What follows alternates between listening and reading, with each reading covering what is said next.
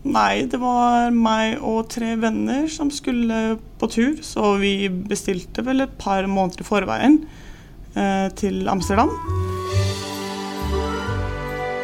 Jeg har aldri vært der før og hørt mye bra om byen, så jeg var veldig spent på det.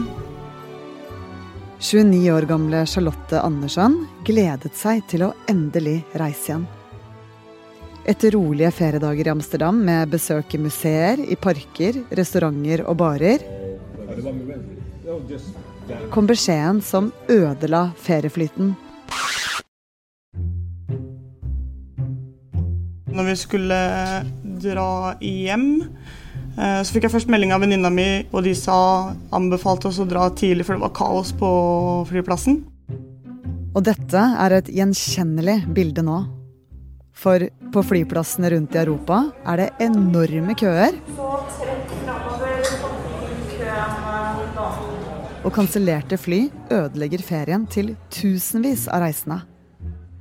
Betyr det at sommeren 2022, som endelig skulle bli fylt av reising og opplevelser, vil bli ødelagt i år også? Du hører på Forklart fra Aftenposten, og jeg heter Synne Søhol. I dag er det onsdag 15. juni, og det er litt under en måned til fellesferiestart.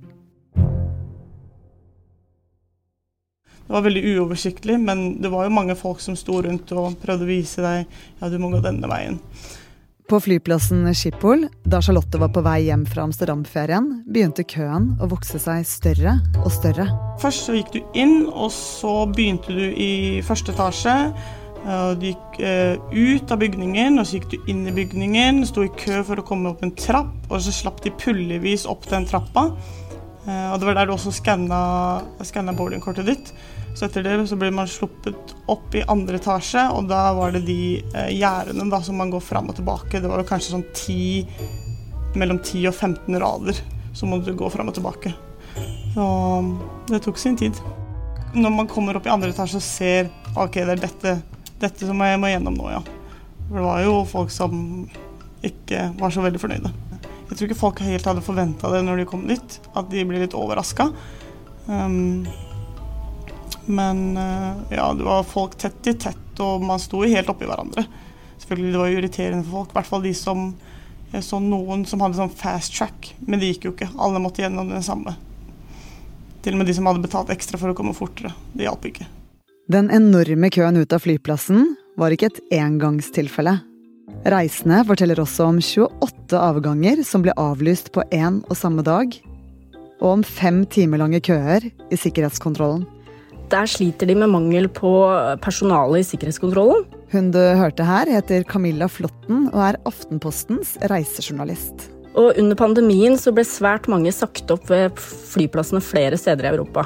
Eh, og nå ser vi at disse oppsigelsene ved Schiphol har ført til store problemer i flytrafikken og for reisende. Og flyplassen Heathrow i London blir kalt et mareritt fra start til slutt. Altså Både Heathrow og Schiphol er såkalte sånn hub-flyplasser, eller knutepunktflyplasser.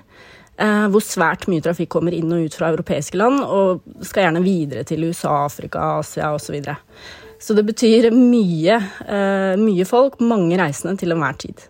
Så selv om du har ventet flere år med utenlandsferie, så må du kanskje vente litt lenger. Enten i kø eller til neste ferie.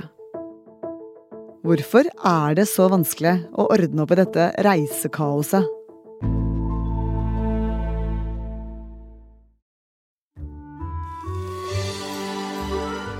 Camilla, skal du eh, reise til utlandet i sommer?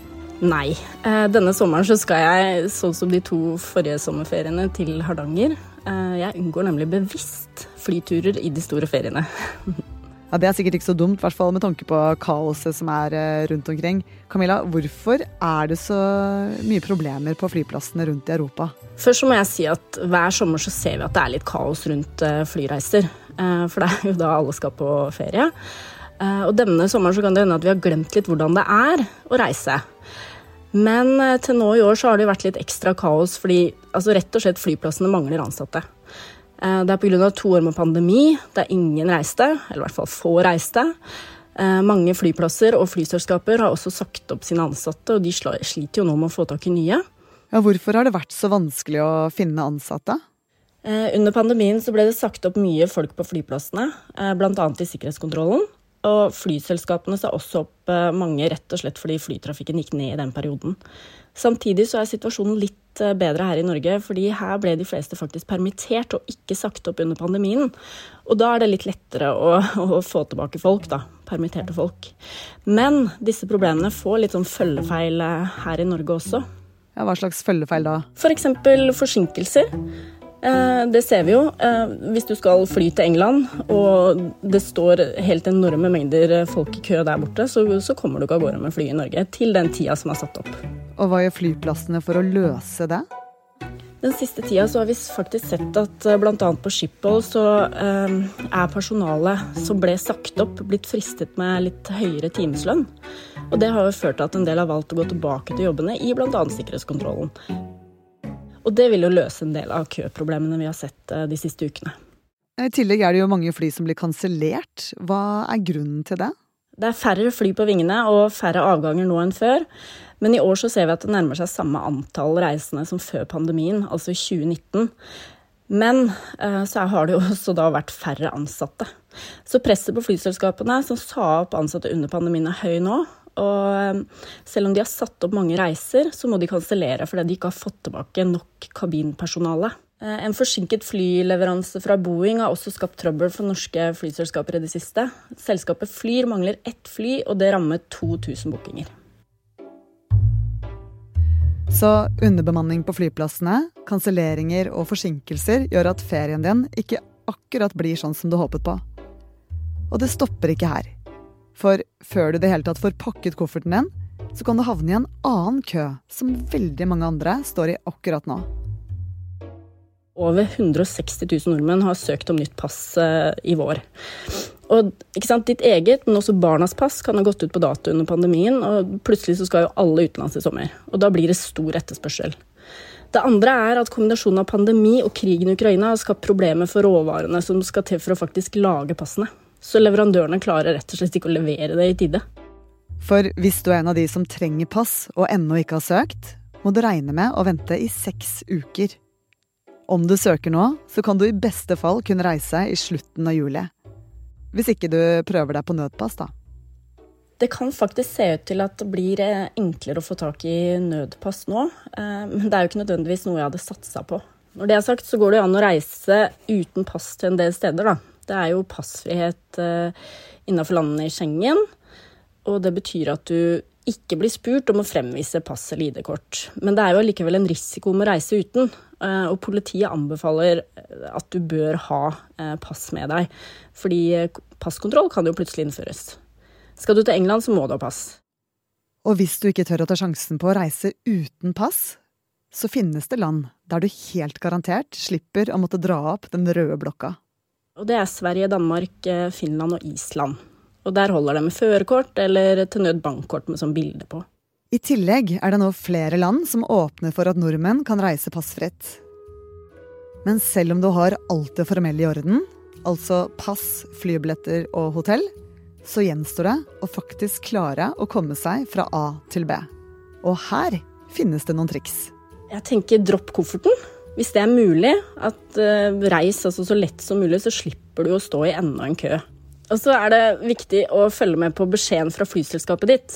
Møt opp når de sier at du skal møte opp. Om de sier to timer før eller fire timer før, så følg den beskjeden. Og hvis ikke du gjør det, så, så kan du risikere å miste flyet ditt og rettighetene du har rundt reisen.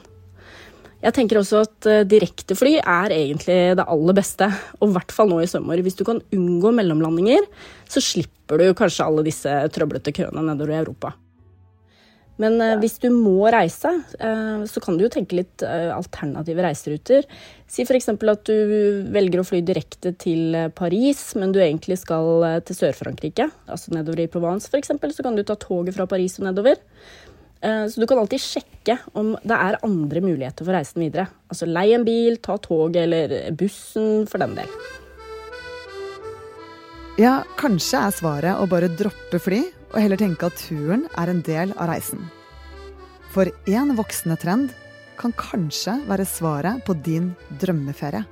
Jeg vet jo at Bobilturismen har jo tatt helt av i Norge under pandemien. Det er veldig mange som kjøpte seg bobil. Og det kan jo være en veldig fin måte å oppleve Europa på. Å kjøre nedover i Tyskland og Frankrike. Der er jo bobiler hjertelig velkomne, og det er lagt opp til liksom massevis av flotte stoppesteder og overnattingsmuligheter eh, på fire hjul. Eller eventuelt, eh, hvis det er store passproblemer og alt med seg, så tenker jeg utsett ferien til høsten hvis det er mulig. Eh, da skal det være litt enklere. Men disse tipsene krever jo en del av reisene. Både det at man er ekstra fleksibel med tanke på flyendringene, og i tillegg så kan det jo bli enda dyrere enn man har planlagt hvis man må bytte rute. De som ikke kan endre feriedagene på jobben, eller ikke har ekstra penger på feriekontoen, hva kan de gjøre? Så jeg tenker at Direktefly de, det trenger ikke å være noe dyrere, egentlig. Eh, men når det er sagt, så er det jo generelt ganske mye dyrere å feriere i Europa generelt i år. Så hvis ikke du kan være fleksibel i år, eh, så kan det nok hende at norgesferie er det tryggeste alternativet, tenker jeg. Og vi har jo sett at nordmenn har virkelig har fått øynene opp for hvor flott det er å feriere i eget land. Særlig de siste to årene. Ok, Men uh, hva med de som allerede har bestemt seg for å dra på ferie til utlandet? Er det flere mørke skyer i horisonten for dem? Dessverre så kan det gå mot storstreik i SAS nå rett før fellesferien. Og hvis pilotene fra SAS streiker, så vil det naturligvis eh, legge press på de andre norske flyselskapene, som da må ta unna mer av trykket. Og I tillegg så er det forhandlinger for bakkepersonell ved flyplassene denne måneden som også kan føre til streik om ikke de blir enige. Og Camilla, vil dette løse seg før eh, fellesferien begynner? Det er jo litt vanskelig å spå, eh, men fra 17.6 så er det sommerferie i Norge. Og det vil bli mye utfart fra norske flyplasser. Nedover i Europa så spørs det jo om de klarer å løse dette problemet så raskt. Det mangler fortsatt folk i, både luftfart og på flyplassene for å få det opp på samme nivå som før pandemien. Det kan tenkes at det kan bli litt færre reisende i eh, juli, eh, for da er det ikke så mange som er på jobbreise. Kombinasjonen av feriereisende og jobbreisende er jo med på å skape det kaoset vi har sett nå. Og det demper seg jo nok noe i juli og august, for da har de jo ferie i Europa. Men uansett, om du skal ut og reise i sommer, så ha papirene i orden om det trengs. Smør deg med tålmodighet, så får vi bare ønske alle en riktig god sommer.